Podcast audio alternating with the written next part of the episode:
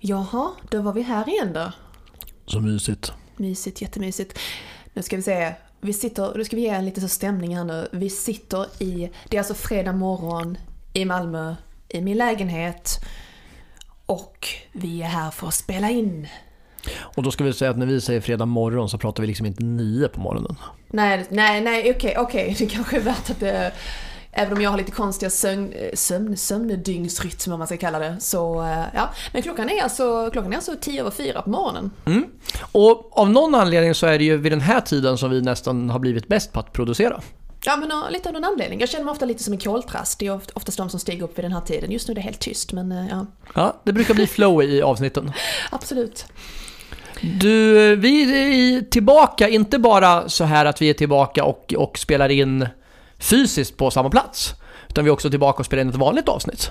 Ja men det var lite tag sedan faktiskt. Alltså senaste avsnittet var ju live från Lund. Eller det var ju liksom ja, livepoddandet från Lund. Och än en gång liksom, ni som var där, tack som fan. Och alla ni som har lyssnat i efterhand också, tack. Ja men verkligen, det var fantastiskt mysigt och det var kul. Ja, t- lyssnade och tittade med, alltså tittade på streamen som gjordes och så också. Mm, ja men det var, det var jätteroligt. Men, sen, men nu jag så här, nu är vi liksom back on track, det är dags, eh, back to school höll jag på att säga.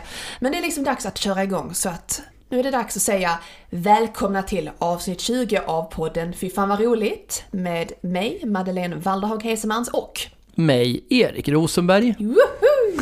We're back! Eller det har varit vi hela tiden, men ändå. Okej, men för de som har liksom missat att det här, våra 19 första avsnitt så kanske det är dags att, eller ja, det, det är ju jättekul om någon ny kommer in, välkommen. Men vad ska man säga, kan du presentera podden? Kör nu, pitch Ja men oss. alltså, det här är ju en podd om eh, humor i film, serier, tv-scen, radio. Vi gör nedslag i humorhistorien och analyserar saker som vi tycker är roliga. Vi är inga humorexperter, vi är eh, geeks och fans helt enkelt. Ja men absolut, väldigt, väldigt geek. Ja. Absolut. Exakt. Eh, Och eh, vilka är vi som gör den här då? Ehm, Förutom att vi är Madeleine och Erik då. ehm, shit, eh, jag vet inte, vem är du? Berätta.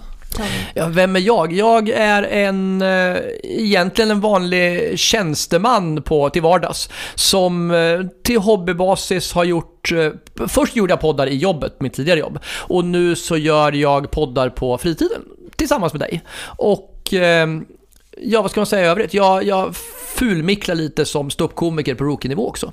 Ja men du gör en del gig måste jag säga. Ja, men det gör jag. Det har kommit igång lite nu, men jag är fortfarande, jämfört med dig så är jag en rookie. På den Ja, punkten. ja, Okej, okej, men ändå. Jag tycker ändå att du ligger i jävligt bra på många sätt. Ja, tack. Så, Absolut. Eh, ja, Och vem är jag, du? Eh, vad ska man säga? Jag har gjort stand-up och humor i olika former i typ 10 år snart. Eh, och annars har jag gjort en del skådespel, modellgrejer, reklamgrejer och så vidare. och så vidare. Så att man kan väl säga att jag frilansar inom kulturbranschen och är stenrik. Nej, det är jag inte. Någon dag. Kanske, we'll see. Men, eh, men det här är faktiskt min första podd. Jag har alltid velat ha en podd. Jag har aldrig, aldrig hittat någon som vill göra en podd med mig. För nu hittar dig och det är jättebra på många sätt. Ingen har velat, jag har frågat. No hard feelings och så här. En annan ny sak det är faktiskt att jag är student. Jag ska inte avslöja vad jag pluggar, men jag är student också så att jag... Så att nu är jag ju ännu fattigare. jag insåg nu, vad fan. Vilket, vilket kapa. Myten av en nudelätare helt enkelt. Kulturarbetare och student. En väldigt konstnärlig skulle jag vilja säga. Absolut. Va? Men, eh, ja, men det var ju roligt att vi hittade varandra för att då möttes vi i det här mötet med att jag har gjort eh, poddar i ett decennium och du har gjort humor i ett decennium. Och så blev det ju en podd om humor. Precis. Så och allt perfekt. mittemellan, Ja. absolut. Och det är väl på sin plats också att eh, spoilervarna lite. Absolut. Så att med, med all, alltså de allra flesta brukar ha sett filmen sen vi pratar om och så här men vill man, alltså vi kommer gå in på djupet, analysera skiten ur allt, verkligen massakera sönder det. Och vill ni inte veta saker så sluta lyssna nu. Det är liksom så, last exit. Exakt. Och vad är det vi ska prata om då Madeleine? Så dagens ämne är filmen Knocked Up. Eh, På svenska då, På smällen från 2007. Ah, 14 år sedan, oh my god, shit. Eh, I alla fall På smällen eh, med Catherine Hegel och eh, Seth Rogen bland annat. Som vi kommer komma närmare på senare. Exakt. Det som är intressant med den här filmen, det är att när vi började prata om den här filmen så hade jag aldrig hört talas om den. Och det är ändå en känd film. V- vänta här nu, okej men jag, alltså seriöst, det här är nytt för mig just nu när vi spelar in. Ja. Just, va? Den här filmen har gått mig helt förbi. Den är ju på något sätt, det ska vi komma in på, men den har ju på något sätt kallats för någon sorts här fristående uppföljare till 40 year old virgin. Och den hade jag hört talas om. Men det här, den här var en helt nyhet för mig när du drog upp den här för mig första gången. Alltså, jag vet inte riktigt när jag ser, jag tror jag, det, har vi, det är ju ett segment vi aldrig brukar prata om, men när vi ser först, alltså första gången vi ser filmen ser jag tillsammans. Jag, jag tror att, jag tror det var mina föräldrar, min mamma köpte denna tror jag på ÖoB, överskottsbolaget i Malmö någonstans, eh, när de hade DVD då på den härliga tiden. Och eh, den här filmen med alla de här scenerna har jag sett med mina föräldrar. Och, ja, jag har lite blandade känslor. Men jag vet om att jag alltid tyckt filmen varit, jag har aldrig sett den på bio eller något sånt, utan jag har ju bara sett den DVD-mässigt liksom hemma när jag bodde hemma. Mm. Sådär. Ja men den är ju, det ska vi komma in på även om vi inte recenserar, men, men jag tyckte om den från början. Och det är ju anledningen till att alltså, någon sorts här, kriterium när vi säger att vi inte recenserar, det är ändå så här att ska vi göra någonting ska ju bägge tycka eller ha tyckt film, en film eller serie varit väldigt, väldigt bra. Eller bra i alla fall, alltså att den ska liksom den ska ha någon sorts plats i våra hjärtan för att vi ska vilja göra det. Mm, alltså den ska vara värd att liksom prata om. Ja. Jag bara funderar på just nu så har ni det så här klockan 10 över 4 månader, så här kvart över 4 att eh, någon gång ska vi ta någon film som vi tycker är riktigt kass, som suger som fan och så ska vi ändå försöka liksom vara, eh, vad heter det? Och vad heter det? Jag kan inte tänka. Konstruktiva. Det är också objektiva, vad heter det? Objektiva. Jag kan inte svenska Ja. längre. Eh, så att det tycker jag, det, det är en utmaning. Ja men absolut, låter, jag är helt på. Jag tycker det låter som ett spännande projekt. Mm, men jag kunde sväva lite ut. Men jag tycker inte om att kalla filmer för kassa eller serier för att man tänker på allt arbete och som ligger bakom och konstverket. Det är ingenting man skiter ut på en dag liksom, utan det är ju massa produktioner bakom och pengar. Ja, men jag kan ju citera min son när han inte tycker om någonting. Det var inte riktigt min smak. Så kan man ju säga. enough, Alltså, vi kan ju hitta en, serie, en film eller serie som inte var riktigt vår smak. Ja, som är bara liksom att, nej det här är inte min grej, men Ja. okej, fine, let's do it. Liksom. Som ett finare ord för att säga att den sög. Den sög som fan, men okej, här är den. men Ja. det sagt, ska vi pitcha den här filmen som inte suger? Absolut, ja, som, som är riktigt bra. Den här serien handlar då om Allison, som är Catherine Hagel, som blir eh, gravid på smällen, knocked up, efter ett one night stand med Ben då, som är Seth Rogen. Eh, och filmen handlar egentligen om deras relation och hur de förhåller sig till att de ska ha ett barn ihop. Eh, den tar upp ämnen som kärlek, klass, kvinnans roll i arbetet när hon ska få barn ifrågasätts. Det, man tar upp familjerelationer, åldersnoja, kompisrelationer med mera, med mera. Det är, det är ju filmen i sin korthet egentligen. Och eh, vilka är det som ligger bakom den här då? Madeleine? Surprisingly, nej men ska man säga, Judd Apatow, eh, vi har ju haft en del produktion av honom med tidigare då, till exempel 40 year old virgin, jag kan, inte- jag kan inte uttala engelska då, ironin. The 40 year old virgin heter det. Eh, han står också för manus och regi då i denna filmen också. Och eh, ja men du, du hittade en intressant sak, det var ju att liksom när Apatow, han konfade egna stand-up-kvällar när han gick på universitetet, där han faktiskt bland annat lärde känna Kevin Nealon, och lärde sen känna Adam Sandler på The Improv och delade lägenhet med honom sen. Alltså, vad man hittar. Ärligt talat. Gud. Ja men det är coolt. Och för oss då som, som har liksom, eh, alltså det gemensamt i standup så är det verkligen coolt att, att liksom, det var nytt för oss att, att Apatow verkligen har en standup-bakgrund. Nej, men jag är faktiskt helt förvånad. Och eh, ja, men du kan fylla i resten. Alltså, var, du, du pratade någonting om Cable Guy. Ja, för att Apatow, eh, en av hans tidigaste jobb, det var att han gjorde en okrediterad rewrite av Cable Guy. Alltså han arbetade om manuset utan att skrivas med då. Och vi har ju pratat om Apatow exakt i de här termerna tidigare, för han gjorde precis samma sak med Wedding Singer som vi har gjort i tidigare avsnitt. Men dess, varför tar vi upp det här då? Jo, för att under arbetet med Cable Guy träffade han sin fru, Leslie Mann. Som spelar då huvudrollen i den här, men vi ska återkomma till Leslie Mann sen. Mm-hmm, mm-hmm. Och jag tror att vi har pratat om i, i det tidigare avsnittet eh, om 40 year old virgin, alltså hur de var. Att hon gick på audition, han såg henne och bara “That's the future Mrs. Mrs. Apatow”. Jag kan inte prata engelska så tidigt på morgonen kan jag säga. Hur ska jag gå? Men eh, i alla fall. Sen har vi Shanna Robertson som också varit med och gjort filmen. Eh, och hon brukar jobba med Apatow, eh, Apatow också och på hans bolag Apatow Productions. Och här är väldigt, väldigt off topic med vad som gillar skvaller va? Eller intressant fakta om folk. Hon är gift med Edward Norton. Jag älskar såna här typer av fakta. Ja, det är kul. lite, Ja, ja. Och sen har vi en man som heter Clayton Townsend som även medverkade och gjorde Bridesmaids som kom efter den här filmen då. Yes, och vad kännetecknar då på smällen? Jo, det är ju en, en romcom, alltså en romantisk komedi. På pappret skulle jag säga, visst det är en romantisk komedi, men framförallt så är det Judd Apatows grabbiga humor. Som, alltså när Judd Apatow gör någonting så blir det grabbig humor. Så, och det kommer vi också prata mer om. Eh, men det är färgglada miljöer som ger filmen en sorts eh, myspyskänsla skulle jag säga. Eh, och det är ju också precis som när Apatow gör någonting, samma skådissätt. Vi har ju också sett att väldigt många av de som är med i den här filmen går också igen i till exempel The Office, som Apatow har mycket för kop- kopplingar till, och SNL också. Det är ju egentligen samma nätverk av människor. Som det kretsar runt. Men å andra sidan, fan, vilken, vilken amerikansk komedi har inte liksom folk från SNL där är alla passerat igenom? Ja men alla, det är liksom så. Det, det känns som att det är kriterium i alla nästan. Ja, och eh, såklart Leslie Mann som vi pratade om som ett exempel då på en som alltid medverkar i Apatows produktioner. Och eh, specifikt då när vi pratar om vad som karaktäriserar den här då, humor Madeleine. Ja, i den här filmen, ja vad ska man säga så här, alltså jag vet inte om det är fair att säga att ehm, Apatov, i Apatow-anda brukar vi säga, jag vet inte hur många gånger jag ska säga fel på hans efternamn, men Judd, Juddens Apatow efternamnet. I alla fall, att det är väldigt, är lite sexistisk, ärligt talat, Apatow-anda finns ju i denna filmen och en väldigt klar röd tråd emellan. Grejen är det så här att skillnaden är, alltså det är roligt om man skrattar, men det är ju dessvärre, vi kommer in på hur humor har åldrats senare, men det är lite för plumpt. Det är ju väldigt, väldigt typiskt honom att liksom bara köra rakt, rakt in i kaklet när det gäller liksom det mest grövsta. Eh, sen är det en del sexscener, och egentligen är det ingen humor i det. det är inte, alltså jag tycker de är ganska vackra scenerna. Det är ju inte sådär, inget hård på vi snackar. Då får vi titta på en annan film. Men eh, det är liksom, där är liksom sexscener med, jag tror det är väl kanske viktigt att säga för de som kanske inte vill titta, I don't know. Eh, det är grovt språk, givetvis. Det är inte så grovt som i 40 year old virgin kanske, men det är ju liksom Liksom, eh, det är ju det vanliga svärord och allt möjligt vad man ska säga. Det är rappa repliker, eh, dialogen är improviserad och oftast är ju ingenting i Apatovs filmer i skrift egentligen när det gäller till exempel när han eh, eh spelar in till exempel scener en barn.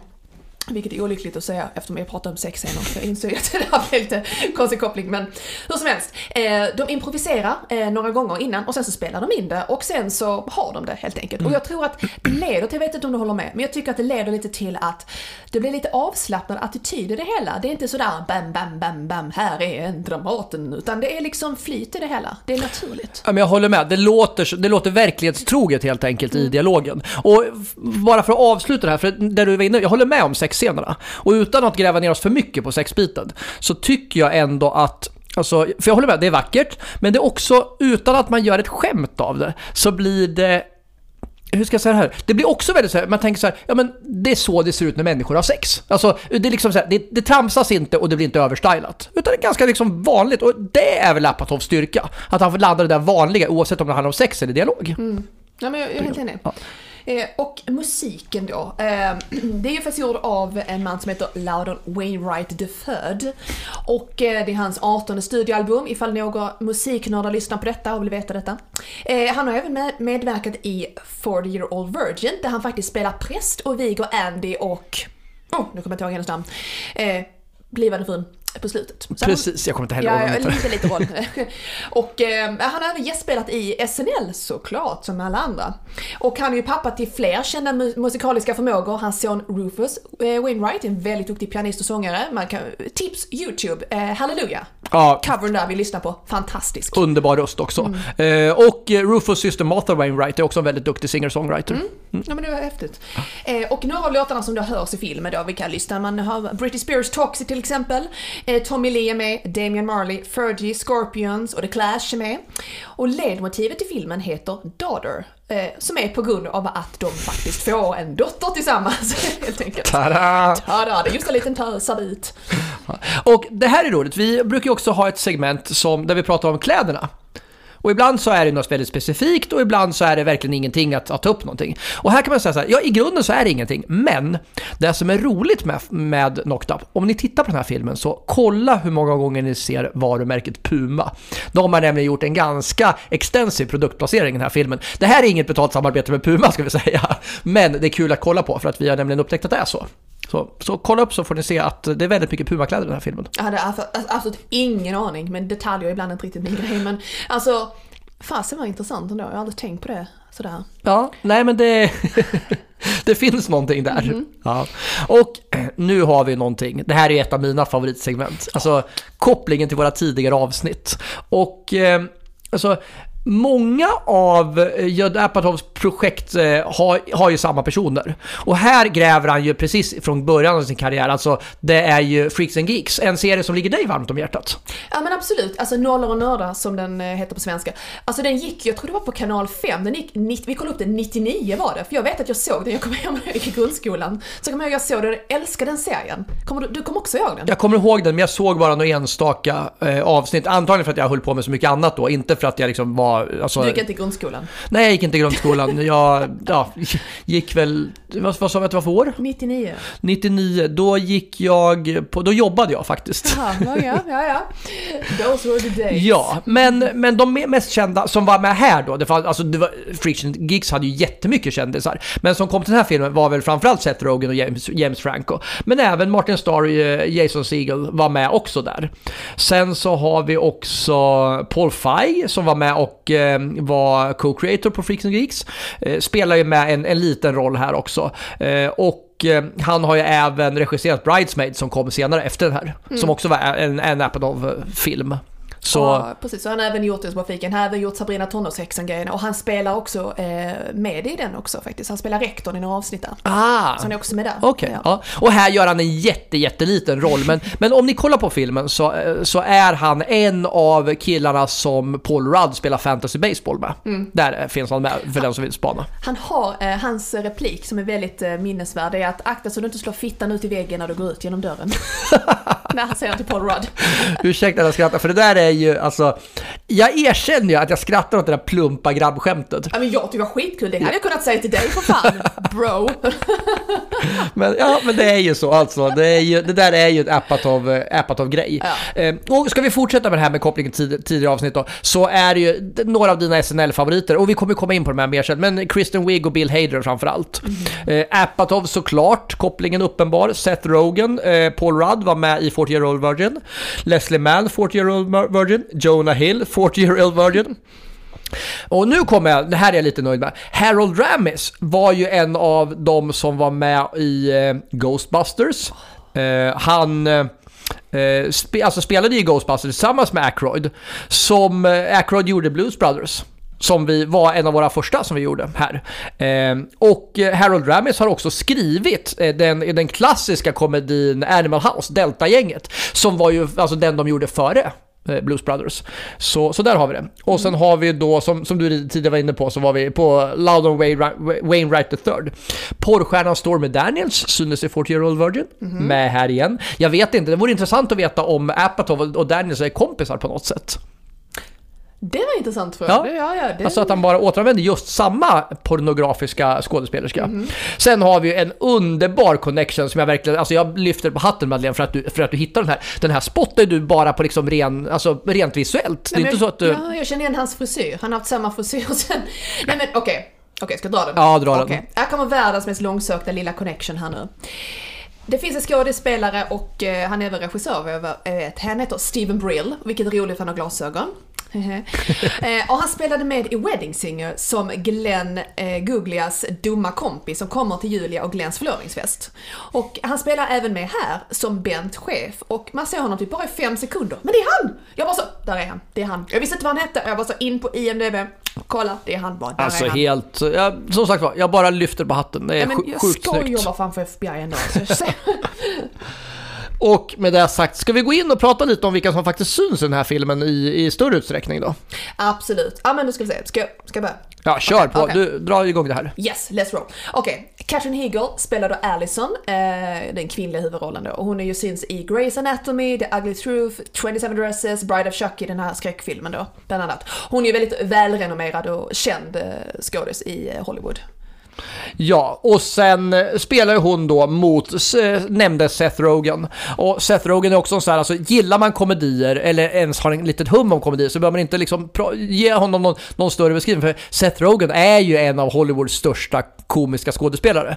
Eh, och syns ju väldigt ofta med, med sin, sin parhäst Jonah Hill faktiskt. De har ju liksom gjort någon sorts karriär tillsammans. Sen ska vi också säga, så vi brukar ju inte göra så jättemycket med dem, men i mina ögon så är ju ändå Seth Rogen den, den roligare av de två. Han har väl en bättre komisk timing. Jag tror Jonah Hill snarare senare, jag har inte sett så många filmer med honom men jag vet att han är väldigt etablerad nu och kommit in på det dramatiska eller liksom så han har spelat bland annat med Leo DiCaprio och så vidare. Att han, nu, han har gått den andra vägen från såna här Apatow-filmer till eh, seriös, så kallat seriösa roller. Kaninöron med hygien. Mm, ja, jag förstår vad du menar. Ja, den banan istället. Jag tror han vill utmärka sig själv som det och han är väldigt, jag tror han är väldigt eh, aktiv och pratar med, alltså så här allvarliga ämnen som eh, social media, utseende, metoo och sånt. Så att det, Mm. det, Ja, och jag tar ingen, ingen eh, heder från Jonah Hill som nej. skådespelare. Nej. Utan jag tänker bara så här, som komiker så tycker jag nog att, att eh, att Rogan är mer en, alltså min, mer min typ av komiker kanske, men som sagt var, det är en, det är en bi, bisats så att säga. mm, jag. Ja, och när vi ändå är inne på det, eh, nästa, nästa stora skådis här är ju Paul Rudd. Paul Rudd är också en väldigt, väldigt känd, känd skådis. Eh, breakade på något sätt skulle jag vilja säga i 40 year old virgin. Men det som de flesta kanske känner igen honom som idag är ju Ant-Man i Marvels, eh, Marvel Universe-filmerna. Som, som är ju högaktuella. Och jag tycker ju att Paul Rudd är ju också, är ju också en suverän komisk timing. Man gillar ju honom så fort han bara dyker upp i rutan. Jag är helt enig. Sen har vi ju Leslie Mann då som spelar frun till Paul Rudd i detta. Och eh, hon är ju, ja hon är ju fru till Judd Apatow, eh, behöver vi inte sticka under stol med. Och som vi nämnde tidigare, Cable Guy eh, och This is 40, det var alltså filmen som kom efter den här. Eh, och sen har vi The Other Woman, faktiskt en väldigt bra film. Eh, eh, chick flick höll jag på att säga, ja det heter det. Jungle George, eh, gästspelat en del i Simpsons, gäströst där. Eh, och hon är ju ständigt med i Apatows eh, sådär. Men hon är ju en väldigt duktig skådespelerska också, får jag säga. Så att det är ju det är tur han hade där, liksom, att frun är kunnig också. Ja. Ja, dra på du. Absolut. Eh, just det, Jason Segel har vi då. Och Jason, han var ju också med i Nollor och nördar då. Och såklart i How I Met Your Mother. Eh, såklart Långkörarna eh, och Sextape. Ja, och sen har vi Jay Baruchel. Jag tycker ju att, med reservation för kanske för, för uttalet på efternamnet, men jag tycker att kanadensaren Baruchel är alltså jätte, jättebra i den här filmen. Jag tycker att han, han gör ju en ganska liten roll ändå. Men, men jag tycker att han är, är suveränt rolig i de scener han är med i och några scener kommer vi specifikt återkomma till. Men, men som sagt var, han, han är underbar. Han är ju inte, alltså, jag har inte sett honom i så mycket i övrigt. Han är med i serien Man Seeking Woman och sen eh, den tecknade filmen How to Train Your Dragon är han, gör han en röstskådis i. Och sen har han också en, en li, li, halvliten roll i En natt på museet med Ben Stiller. Mm. Jag tycker om den filmen, jag har inte riktigt kunnat vad han... Jag undrar verkligen, ska jag kolla om den och se vad han är med faktiskt, väldigt intressant. Sen har vi då som vi pratade om Jonah Hill. Och eh, som vi nämnde tidigare, du sa tidigare Erik, eh, 40 year old virgin och sen även 21 to Jump Street, eh, Wolf of Wall Street. Eh, eh, han är ju som jag säger en hårt kämpande skådis och han liksom, som vi sa tidigare, han, han, han verkar ju alltid ständigt jämföras med Seth Rogen då.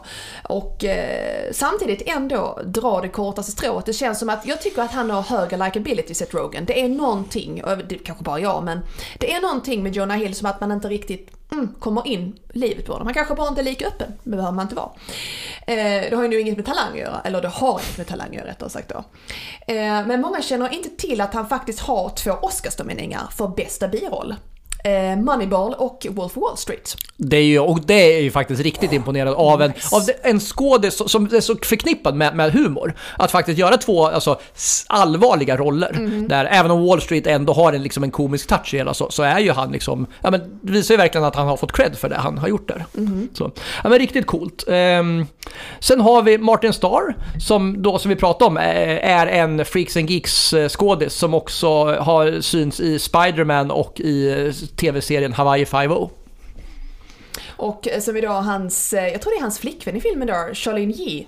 Eh, hon är skådespelerska och även komiker, standup-komiker och eh, skriver en hel del. Hon är musiker, hon är konstnär, vad gör inte den här tjejen liksom? Det låter som dig. Lite blandat. Förutom att hon är med i en Hollywood-produktion. Anyway. eh, varit med i Good Girls, eh, Twin Peaks, de nya avsnitten då. House, den här tv-serien. Hugh Laurie, har du sett den? Mm, ja, också så här, precis som Freaks and Geeks, ströavsnitt. Och det är en sån här serie som, som alla hypar egentligen, som en av de så bättre och roligare läkarserierna. Men jag har tyvärr inte kommit in i den. Kö- Alltså jag var helt världens crush på Hugh Laurie när han var med ärligt talat. Shit alltså. Ja, det var, jag kan verkligen rekommendera det. Är jätte... Kanske inte du vill se det med mig om jag ska crusha oh, ja, ja. eh, ja, och sen har du... eh, Just det, döttrarna ju. Ja. Det är ju jätteviktigt så, kom jag på nu. Eh, det är så här att eh, Judd Apatows och Leslie Manns döttrar är med i filmen. Det är Iris Apatow då, eh, och hon är den yngre systern då. Hon, det var hennes debut. Efter det har hon inte gjort jättemånga filmer. Jag vet inte riktigt vad hon gör idag. Jag tror hon är, vilket år var hon född? Så är vi det? Hon är rätt, oh, väldigt ung i filmen. Eh, ja, hon är väl, kan inte vara mer än 3-4 år i filmen, Ja. tänker jag. För sen har hon gjort eh, This is 40 då, där Leslie Ja. Mann också är med och Funny People. Men däremot den äldre systern Maud Apatow, eh, hon är ju också, ja precis den äldre dottern då. Men eh, hon är faktiskt med i den här fantastiska serien som du och jag har börjat kolla på, eller sett hela. Det är serien Hollywood. Där hon har, alltså hon har en jätteviktig roll men jag tycker inte riktigt, ah, det skulle läggas extra krut på det. Men det är jätteroligt att se, alltså bara, ja men shit, det är ju deras dotter, där är hon ju. Ja, men det, det är coolt. Eh, Den, eh, och hon, hon gör det, som du säger, en jättebra roll där. Mm. Ja men den, den serien kan vi också faktiskt rekommendera. Ja, men Jag tycker den verkligen. är jättebra, fantastisk bra. Någonting som faktiskt kanske skulle kunna dyka upp här. Vi har väl inte riktigt bestämt oss för om det är tillräckligt mycket humor i den eller Nej, inte. precis. Ja, men absolut. Den är väl värd att se också. På Netflix finns den. Yes. Eh, sen pratade vi om Harold Ramis. Och eh, Harold Ramis spelar då Seth Rogans pappa i den här filmen. Och då kan man också, alltså för många så är ju han, ja men han är ju en av de tre i, eh, i Ghostbusters. Men eh, då kan man så här fundera på hur, hur, eh, liksom, hur stor är han? Ja, om vi bara drar hans CV så, han har skrivit Ghostbusters, han har skrivit Delta-gänget, han har regisserat Groundhog Day och han har regisserat Analyze This. Alltså, har man gjort några, alltså alla de där tillhör ju humorklassikerna i Hollywood. Så man får, jag skulle vilja säga att Harold Ramis är kanske en av de mest underskattade i fråga om kändisskap, åtminstone på svensk mark. I USA är han säkert mycket större än vad han är i Sverige. Så, så definitivt där. Sen har vi en personlig favorit, Alan Tudyk. Nu har ju han en väldigt liten roll här, men fortfarande alltid rolig. Alan Tudyk är en sån här människa, så jag, jag ler varje gång jag ser honom för jag tycker han har sånt jäkla bra minspel. Eh, hans kanske kändaste roll är ju att han spelar den sjungande gycklaren i En riddares historia tillsammans med Heath Ledger. Eh, vad heter det? Vila i frid. Och eh, han gör även väldigt, väldigt mycket röster. Kanske de mest kända är eh, som robot i Rogue One och som robot i eh, Will Smith-filmen i, Robot. Och han är även med i Dodgeball tror jag också, med Ben Stiller. Ja, det kan nog Ja, stämma. jag det kan du nog mycket också, väl ha ja. rätt i. Ja, och sen har vi då Kristen Wiig och detta var ju faktiskt till hennes, eh, vad ska man säga, debut egentligen filmmässigt då. Hon spelar då Jill som jobbar tillsammans med Alan Tudyk då. Eh, hon är såklart med i Saturday Night Live, givetvis, SNL, och senare då i Bridesmaids. Och vi ska också komma till varför Bridesmaids blev till. Och det är de som hörde av sitt Bridesmaids vet ju om det till exempel då. Sen har vi då en annan favorit, Bill Hader. Eh, samma där, eh, varit med i eh, SNL, gjort eh, det och även en, han har även gjort en serie som heter Barry, som han också nu, jag tror inte den är så känd i Sverige utan jag tror den stannar liksom Netflix-aktigt och mest känd i USA. Men där har han gjort verkligen alla delar. Coolt. Sen har vi Ken Jeong och Ken Jeong är en sån här eh, skådis som man, alltså Ser man honom så känner man igen honom. Det är liksom den här, ja men det är den där killen, vad, vad var det han hette nu igen? Och så ser man honom i jättemycket saker. Och det är ju för att han också har dykt upp i så här riktigt klassiska saker. Han är Mr. Show i Baksmällan, han har synts i Entourage och han har synts i The Office. Men det här var hans genombrott. Eh, och sen så, en, ett annat seg- segment som jag då verkligen älskar, det är det här med cameos och kändisar som dyker upp. Vi har redan pratat om Loudon Wainwright, så jag tänker inte ta upp honom mer. Men vi har också en, en väldigt liten roll av BJ Novak, som är en av de ledande bakom den amerikanska The Office. Eh, och i, för om ni undrar, eh, han spelar också i The Office. Han spelar The Intern, alltså praktikanten i Office eh, US. Sen har vi då regissören Paul Feig har vi pratat om, Stormy Daniels har vi pratat om. Vi har också ett gäng personer som dyker upp i, i klassiska cameos som sig själva, alltså kändisar, som i sån här kändis, eh, vad ska man säga, eh, kändisintervjuer. Eftersom eh, Catherine Heigl spelar ju då en kändisjournalist. Så har vi då Jessica Alba, Steve Carell, Andy Dick, James Franco som vi pratade om, Eva Mendes och Ryan Seacrest. Dyker alla upp i roller som sig själva. Så. Och, och ibland kanske något twistade. Så, eh, twistade roller av sig själva då. Eh, och nu kommer vi in på det, kanske det segmentet som vi brukar, brukar prata mest om då. Alltså våra så här, favoritscener, omtalade scener, vart vi liksom vill lägga fokus. Vad, vad är värt att lyfta från den här filmen Madeleine? vad ska vi säga? Ehm, vi har gjort en notis och tänkte prata om sexscenerna, men det har vi redan gjort. Ja men det har vi gjort. Så jag tänkte gå rakt till det som kommer, eh, som sexscenen leder till, det vill säga förlossningsscenen istället då, om man tänker från A till B, eller resultatet av sexscenen då, ska jag prata om nu. Eh, och för alla som är på biologin. Eh, och det är alltså, för, alltså förlossningsscenen tycker jag är eh, smärtsam. Nej men jag tycker att de har gjort en, antagligen, jag vet inte, jag har aldrig fått barn, en väldigt bra bild av det hela. Alltså det är ju liksom massa komiska inslag hela tiden. Jag tycker att Ken Jeong gör ju ett väldigt bra inslag som läkare. Till exempel också för att han, han är verkligen trovärdig i det och varför, det kommer vi till sen.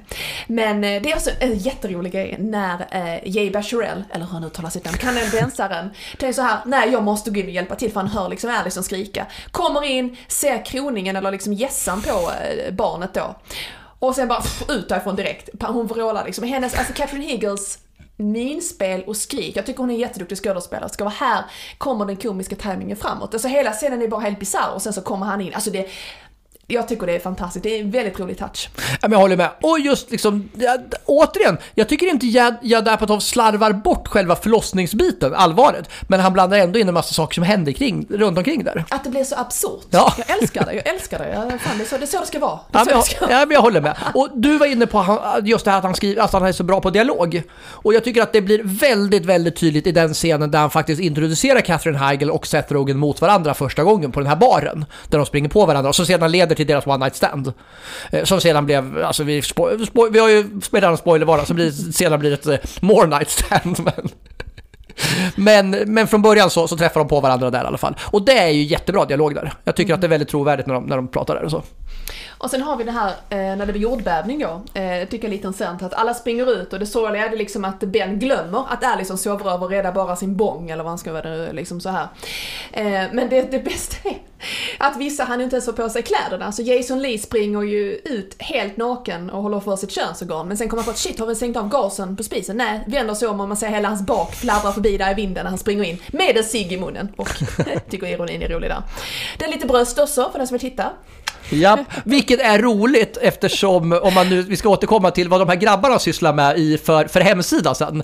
Så, så nu kan jag tycka så här, vad är relevansen i att, att pinpointa att man ser bröst i filmen? Ja, men vi kommer återkomma till det eftersom Seth Rogen i synnerhet tycker att det finns en jättestor relevans att berätta var det finns bröst i en film. Exakt. Så det kommer Ja, vi berätta mer om exakt. om en liten stund. Ja, sen är det ju en scen, och det här, nu kommer in min otroligt barnsliga humor. Jag vet att du faktiskt också skrattar åt det här.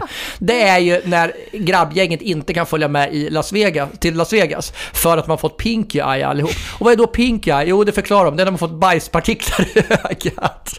Som man får. Va? Som man får om man fiser nakna på varandras kuddar. Det är hysteriskt roligt. Det Hur är kommer man hysteriskt. på en sån sak? Ja, det är fantastiskt. Och sen kommer ju då en av de här skådisarna, nu kommer inte jag ihåg vem av dem, det är Martin Starr va? Ja. Som kommer och då säger de så här It looks like someone took a shit in your face. I don't even have pink eyes, I'm just high, säger han bara. Det är underbart Alltså roligt. just att bara säga det till någon, alltså så ser jag lite hög eller trött ut, så kan du börja använda till folk. Ja. Ja, jag tycker det är fantastiskt. Ja. Sen är det ju, eh, det finns ju faktiskt som vi såg, vi tänkte på nu när vi såg om filmen, det var ju att eh, när de är ute på en klubb tillsammans så Jay Bacharel gör en usel imitation av Chewbacca. ja, Hur det... låter han? Kan du härma det? Härma det? Kan... Jag tycker Och- det är så... ja. Men det roliga var att min imitation var fan inte sämre än Jay Baruchels. Nej, det var nu bättre. Det är liksom att han går bara fram till, vem är det? Till Seth Rogen, han pratar med det och han bara så här. Jag trodde först han skulle leka något helt annat. Jag bara, det är Chewbacca. Jag bara, jaha. Nej, Martin Starr är det han pratar med ju. Just det. Jätteroligt. Ja, nej, det är underbart. Sen finns det också en väldigt rolig scen när eh, de sitter, eh, Seth Rogen och Catherine Heigl sitter på ett café någon dag efter. Eh, och då ska liksom så här, ja men prata liksom, ja men bara så här, typ, ja men den här blir obligatoriska uppföljningsdejten. Och det är bara stelt för det visar sig att Seth Rogen kommer inte ihåg någonting av vad som har hänt. Och när han ska berätta om vad han jobbar med så visar det sig att han har ju då en sajt tillsamm- tillsammans med sina vänner som de håller på att utveckla. Som bara ska lista vart man kan se eh, nakna, alltså nakna kändisar. Om du har en kändis och då, de tar Meg Ryan som exempel. Så skriver man Meg Ryan, får man reda på alla filmer där hon har varit naken och exakt när i filmen. Därav din koppling till brösten i den här filmen. Så hade den här varit med så hade man kunnat få reda på när får man se bröst i den här filmen, pang. Det glömde vi kolla faktiskt. Det får, Ja, det får någon annan kolla. Precis, vi har ingen time- timestamp på det. Jag tror vi gör så här, vi vet någon som kommer höra det och det är Niklas. Niklas, kolla upp det här. Niklas. Eller Kent, Kent också. Kent eller Niklas, så Ja. kolla upp det åt oss. Eller Linda. Ja. Och så är det ju, åh det här är ju fantastiskt också. Det här, så det, alltså jag skrattar lite väl högt åt det här. Eh, lite senare i filmen så vill eh, systrarna då, Leslie Mann och Allison, eh, vad säger jag, Leslie Mann och eh, Catherine Hegel spelar ju systrar då, det sa vi inte tidigare då. Men de är systrar i alla fall och eh, de ska ut och klubba tillsammans. Och när de går ut andra gången så har ju eh, Allison kommit väldigt långt i sin graviditet, det syns ju verkligen att hon är gravid, dö. Och eh, plötsligt kommer de inte in på klubben och då säger vakten att ja men you're too old and she's pregnant, vi kan ta in det. Och efter att Leslie Mann då skrikit i vanlig Leslie Mann-anda på honom drar eh, då då klubbouncern in åt sidan och säger så. Han är själv eh, svart då och då säger han så här att han tycker inte om det här egentligen, sa han, för att han får bara släppa in en och en kvart svart person. Så jag hoppas det kommer in en dvärg. En svart dvärg säger han. Det är hysteriskt Ja, roligt. ju, Ja. ja. Jag vet inte men det är fantastiskt roligt. Det är ju. Ja, men det är mycket så här plumpa men väldigt roliga skämt. Mm. Eh, det finns ju ett annat roligt skämt för precis när de ska gå eh, hon, hon, tar- hon tar ju ett gäng grabbtest då, eh, Catherine Hegel. Men sen så ska hon ju gå till en gynekolog för att kolla om det här verkligen stämmer, som får med sig Seth Rogen dit. Och eh, då går hon till en gynekolog som hon har fått rekommenderat av sin syster. Så gynekologen då ber henne kliva upp i den här gynstolen och lägger fram skynket och sen böjer han sig ner och tittar in under skynket då. Eh, och sen säger han så här, ja du är verkligen lik din syster, säger han. Jätteroligt. Men en annan sak också som är, det här är liksom det när de är i eventrummet då och Jason Lee försöker eh, flörta lite då med Leslie Mann då. Och då säger han, alltså, jag har gynekologi som hobby. Men det har väl du också va? Pass, pass. Oj, nu fick du mig bli generad igen här.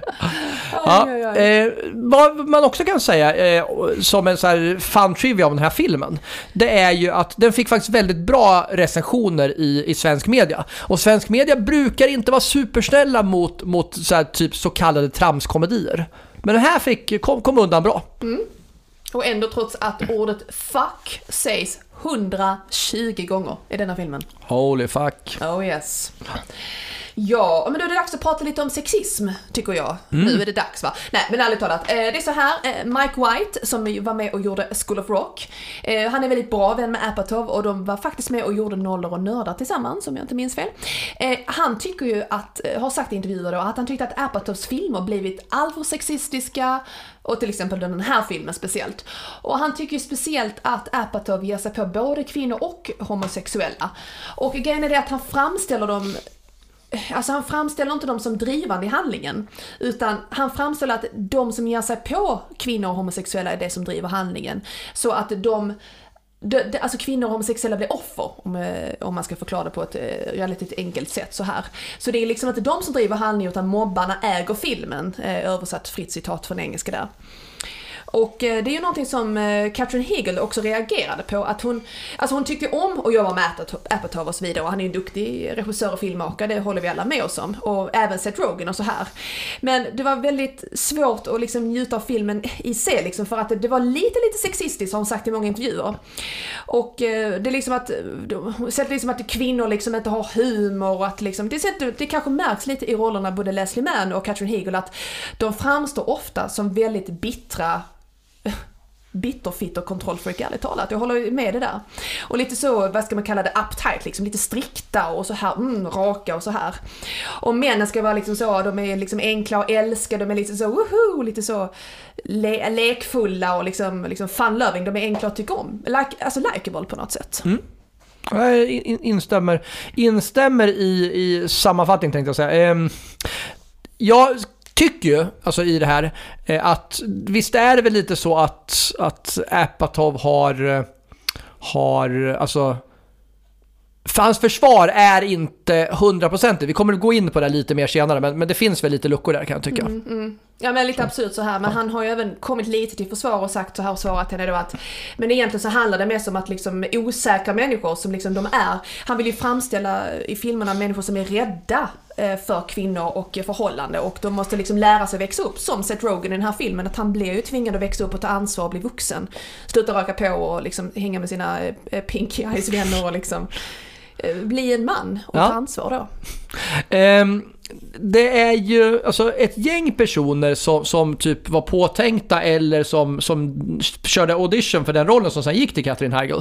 Bland annat då Mila Kunis från That 70s Show, Jennifer Love, Love Hewitt, Kate Bosworth, Alison Lohman och eh, Anne Hathaway. Och det intressanta med Anne Hathaway var att hon faktiskt erbjöds rollen. Hon fick den, men tackade nej just på grund av den här förlossningsscenen som du pratade om. Eh, Även fast det faktiskt inte var hon, det var, det var en body double, så sa hon att hon vill inte förknippas i, med den typen av scener som kräver nakenhet. Alltså att man liksom, det kan tolkas som att hon skulle vara naken i en film. Så säger hon nej, det, hon gör inte den typen av roller. Intressant. Ja. Så är det. Och eh, vi prat, jag pratade lite om Ken Jeong tidigare. Eh, det här är hans filmdebut. Eh, Jeong är ju en, en känd komiker och skådis i USA. Eh, jag vi har gått in på vad han, vad han har synts i. Det är intressant, du pratar här om att han gör en väldigt trovärdig läkare. Föga förvånande eftersom Ken Jeong är eh, läkare på riktigt, förutom att komik, vara komiker och skådespelare. Eh, med eh, licens att verka i Kalifornien. Det var rätt kul. Jag Ja. har läst att hans fru är också läkare tydligen, så Ja, ska det vara. coolt. Nej men det Ja, var kul faktiskt. Verkligen. Ja. Och så kommer vi då till Bill Hader. Han har ju en väldigt liten roll som filmredigerare för E! Entertainment som det ska vara att Catherine Hegels eh, då jobbar för då. Och det intressanta här är att Bill Hader har faktiskt jobbat som redigerare för just E! Entertainment eh, på riktigt. Ehm, förutom det, det som vi sa tidigare då, så att eh, det här det var så roligt för att eh, det var egentligen tänkt att Bill Hader skulle spela en av Bens kompisar, eh, Pinky Eyes kompisar kommer jag kalla dem nu. Men de tyckte att Bill Hader såg för gammal ut. What? Alltså, det tycker man väl inte? Ja, Nu Nej. ser han gammal ut, men det är ju Nej men här tycker jag att han, han ser väl inte så mycket äldre ut än någon av de liksom, äldsta killarna där. Jättekonstigt, men det kan inte vara så jätteroligt att höra lite så. Ehm, och sen är det också det att äh, Apatow-döttrarna var ju med då i vanlig anda och eh, det var lite svårt att äh, herr Apatow fick ju övertala fru Leslie Mann, jag tror hon har en ganska stark vilja, liksom i filmen då, att ta med döttrarna. Uh, och så är det så här att Många har ju undrat lite så här, vad är inspirationen till den här filmen då? Liksom alla de här galna scenerna. Tydligen så är filmen löst inspirerad när Leslie Mann var gravid med Maud Apatow, som då också som vi sa tidigare med i filmen. Och tydligen så har Leslie Mann sparkat ut Judd Apatow ur sin bil, som, som händer i filmen, mellan eh, Allison och Ben. Eh, du pratar ju om den här scenen med, i förlossningsscenen igen, så här finns det ju en ganska explicit grafisk scen där du pratar just där, där bebisens huvud är på väg ut. Eh, det finns en, en amerikansk, eller en engelsk term för det här som heter crowning. Eh, oklart om, om det finns någon svensk översättning, jag tror inte det. Eh, och eh, alltså... Kroning. K- Kroning, kröning, ja. Eh, men Apatows förklaring då var, alltså ett citat då är liksom så här, jag försöker få liksom tittarna att känna smärtan i, i den upplevelsen. För att det liksom det, det mest intensiva ögonblicket en, en människa överhuvudtaget kan vara med om. Och eh, jag var tvungen att göra någonting som inte har gjorts på film tidigare. Det var ungefär det som var hans förklaring då. Eh, Och det intressanta var att han tänkte ta det, alltså en riktig förlossningsscen, alltså klippa in där. Men det föll på att hade han gjort det så hade bebisen på väg ut hade varit tvungen att haft ett arbetscertifikat. Alltså ett arbetstillstånd och det är ju rätt svårjobbat med en nyfödd så att så han släppte det. Så att det är väl en, en attrapp om vi ska säga så. så ja, av både, både huvud och vagina om jag förstår saken rätt. Ja. Ja. Ja. Jag, tycker det var typiskt USA att liksom, äh, så svårt är det alltså att komma in eller ut så kallat i USA. Man måste ha arbetsvisa för att komma ut. Trodde du kom... Ja, ja just det. Ja. Du fattar, du fattar. ja, det tog ett tag. Det tog ett tag. Jag tänkte förklara, jag tänkte dra skämtet men jag insåg att det var ju skämtet så... Ja.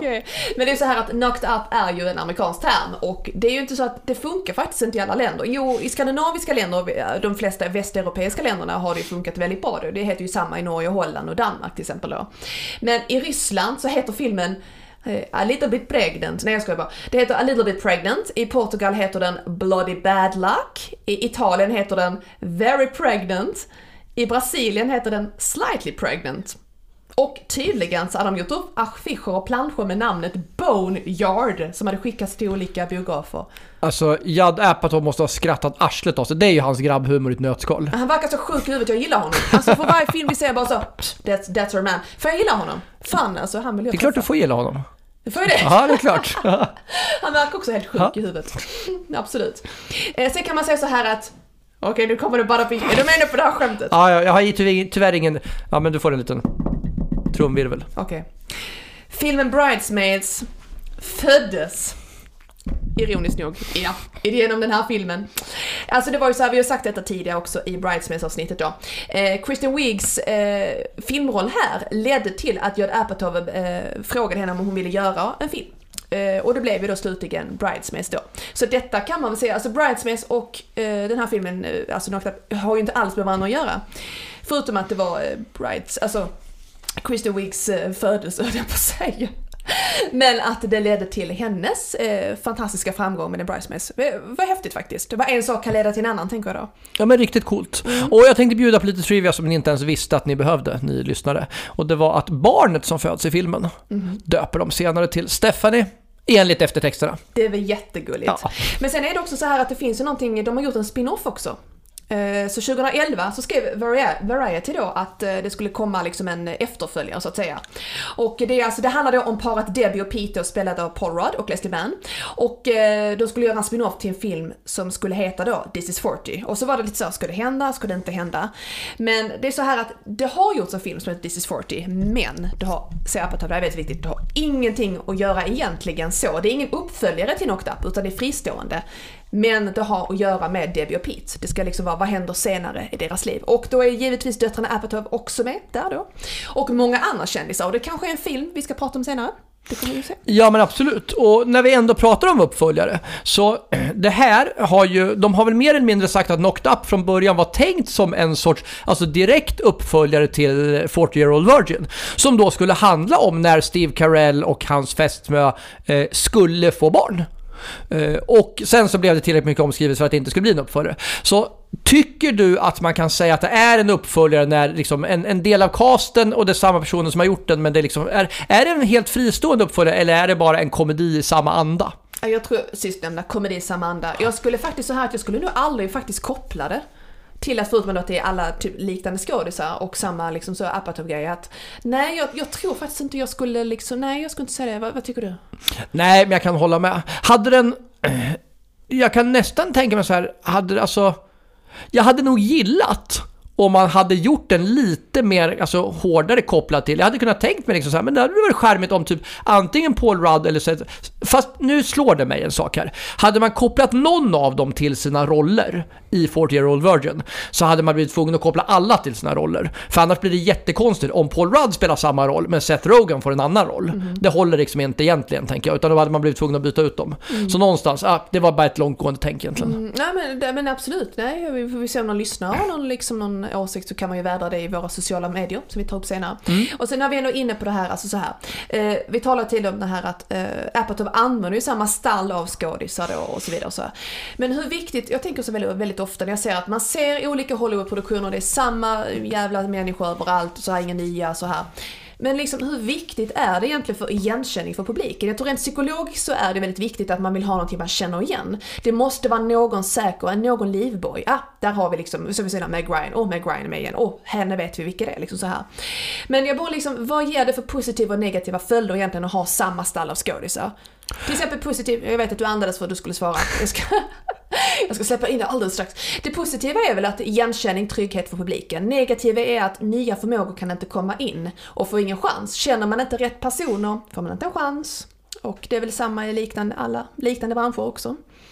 Ja, men så är det såklart. För, för skådespelare så är det ju, för de som inte liksom är inne i, i ankdammen eller loopen, så är det ju såklart jättenegativt. Eh, för de som ska räkna fram produktions, eh, alltså, eller intäktsmöjligheter, så är det såklart en fördel. Det är klart de vet att alltså, är Seth Rogen med i en film så kan man räkna hem dem. Alltså, det blir säkrare egentligen att prognostisera hur bra den ska gå. Eh, och säkra kort, det är klart att Apatow vill jobba med sina polare. Så för dem är det. Och för publiken så, mm, folk, man får ju sina favoriter också. Så det är klart att om jag ser att Seth Rogen är med i en film, så på ont och gott så kommer jag ha vissa förväntningar på den. Så, ja. Nej men det är som du sa, det är ju den här tryggheten liksom just och tryggheten för skådisarna och de som gör filmen som du sa, rent vinningen ekonomiskt och så här. Det är, jag tror att det är väldigt svårt och väldigt vågligt att ge sig ut helt nytt och kasta in helt nya skådisar hela tiden. Men jag tror att liksom lite ruljans hade varit lite trevligt ibland. Även om det är kul att säga oh det är han, det är hon, det är de, och det är de igen. Liksom så. Ja, men jag håller med. Och det blir ju lite samma sak som vi har sett i svenska serier, typ Bonusfamiljen och eh, Solsidan och så. Exakt, exakt. Yes. ehm, och film, filmen tar ju upp en massa olika ämnen. Och ett av ämnena som du pinpointade var ju egentligen det där med klasstillhörighet. Ja men lite sådär, det var väl lite det som Katrin Hegel också kritiserar Apatow för, för om man tittar på de huvudpersonerna då specifikt. Katrin Hegel då liksom, kvinnan i det här, hon är den som hon har, hon har heltidsjobb, hon går upp tidigt på morgonen, hon har sina rutiner. Nu bor hon i och för sig faktiskt med eh, sin syster, ändå, varför vet jag inte riktigt men de bor tillsammans och eh, liksom, hon har ju sina, hon verkar väldigt strikt och väldigt ordningsam och ska precis få liksom promotion, det är det de är ute och firar och så vidare, de träffas. Men Ben däremot, vad gör han? Eh, han eh, verkar inte ha någon fast inkomst, han har ju sin där liksom, vad heter sidan, In the Flash tror jag det heter, de kollar på Bush and Tits. eller Flash of de the Stars va? Flash of the Stars, så Ja. är det. Men det är en typ en parodi på Mr Skin som Ja. man sedan nämner också. Ja. Inget betalt samarbete, helt uppenbart måste vi lägga till. Men hur som helst, och det känns lite som så här att Ben är den som bara, han flyter omkring, han röker på, hänger med vänner, han åker till Vegas, Cirque du Soleil, han gör lite, han, han liksom bara gör grejerna och eh, han verkar inte ta saker och ting på allvar. Och det var lite det Catherine Hill kritiserade innan, att han liksom the fun-loving guy och hon är den strikta, uptight kvinnan och sånt. Det känns i mina ögon lite som att Allison då, ska, rollen är lite, lite högre upp i samhällsstegen om man tänker. Ben framställs faktiskt i mina ögon som en slacker. Vilket jag tror är poängen, vad tror du? Jo, men så är det väl. Och, och det finns väl någonting, nu går väl inte han in så jättelångt på det, men det finns ju någonting där som skulle kunna vara värt att gräva djupare i. Liksom hur svårt är det att umgås på det här planet om man liksom kommer från så olika pengar egentligen, alltså nivåer på pengar. Tänker jag. Ehm, och när vi ändå är inne på det, så, så just det här med, med, med kvinnans roll i, i arbetet, som, som du var inne på det här med att hon är den som jobbar, så blir det också, där blir ju nästa clash egentligen. Så här, hur, hur ser man på en, en kvinna som, som kommer in i det här liksom graviditets och barnafödande loopen i yrkeslivet? Och samma sak där, jag tycker liksom att han är inne på någonting, men, men han, han touchar det bara. Nej men det är lite där också att de tar upp det där att eh, hon vill hålla graviditeten hemlig för att hon är ju en offentlig person och kommer synas i intervjuer. Det får inte synas att du är gravid liksom. Det är ju ingen som säger det till henne men hon döljer det för det är det samhället sagt till henne. Förrän hon kommer typ till varje sjunde, åttonde månaden och de säger till henne och Kristen Wiig och Alan Tudyk säger till henne vi ser att du är gravid. Det är inte IBS, vi ser att du är gravid liksom. Men det som händer där är väldigt fint. Det är att de vänder på det hela och säger att då får du faktiskt en egen del av e-entertainment vi som ska bli mammor. Och då får du intervjua alla kändisar som ska bli mammor. Så att det tycker jag var fint av Apatow att de faktiskt vänder det till något positivt. Att nej men det är inte så farligt, det gör inte att du är gravid. Här, vi vänder det till något positivt. Vilket såklart graviditet är positivt givetvis, men många, i många arbetsgrupper, så, eller arbeten, så är det ju inte alltid jättepositivt och det går ju inte till slut. Nej, precis. Nej, men det håller jag med om. Att han, han, plockar, han, han räddar ju den bollen så att säga.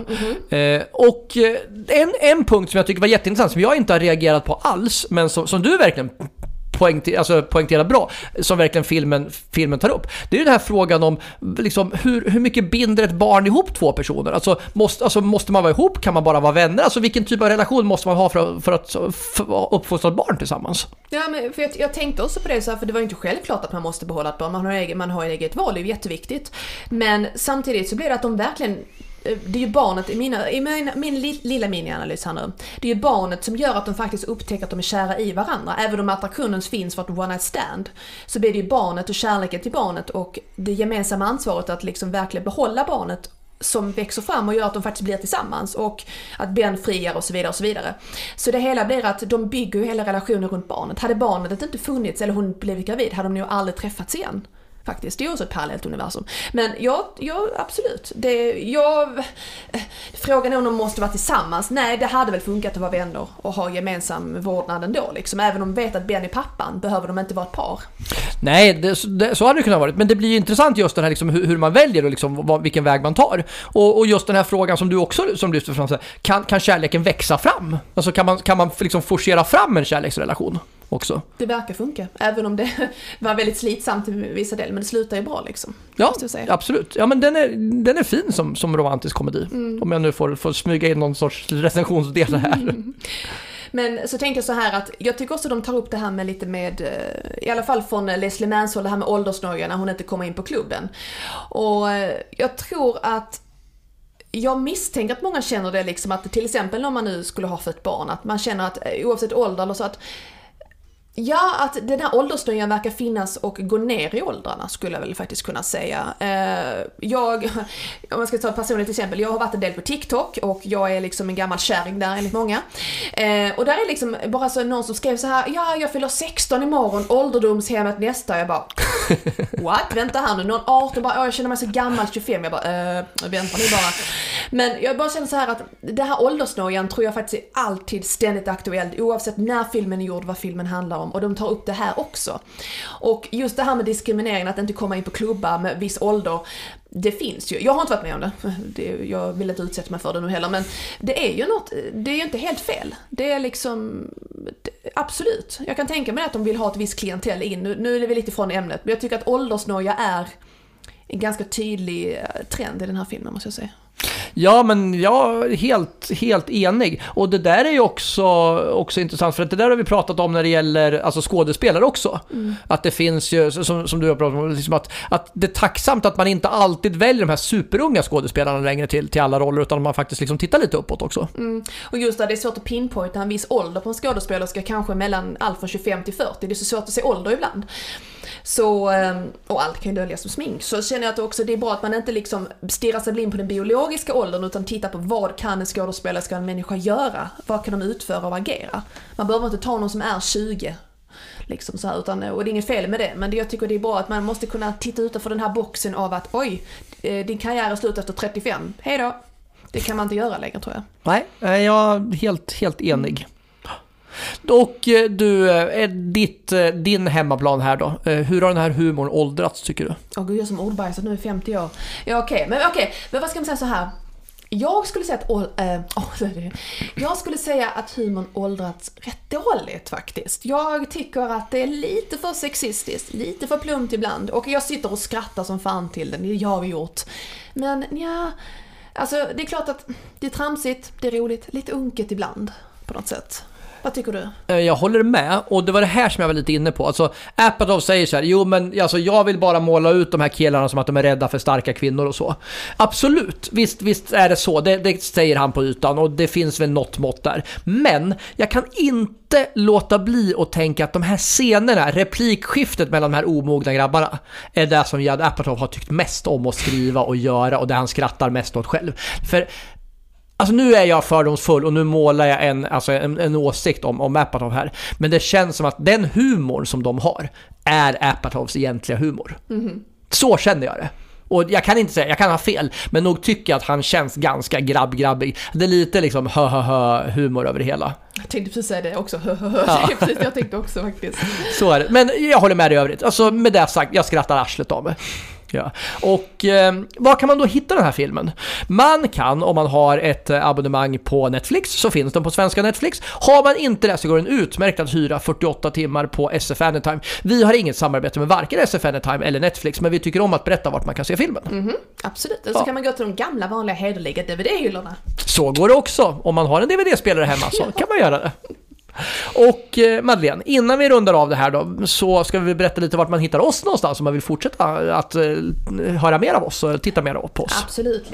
Vi har ju Insta, där vi heter Fy fan vad roligt. Vi har Twitter under våra vanliga namn. Vi har en Facebook-sida som heter Fy fan vad roligt. Vi har en Facebook-grupp som heter Fy fan vad roligt diskussionsgruppen, eller diskussionsrummet. I diskussionsrummet. Ja. Det är bra att jag vet vad vi heter.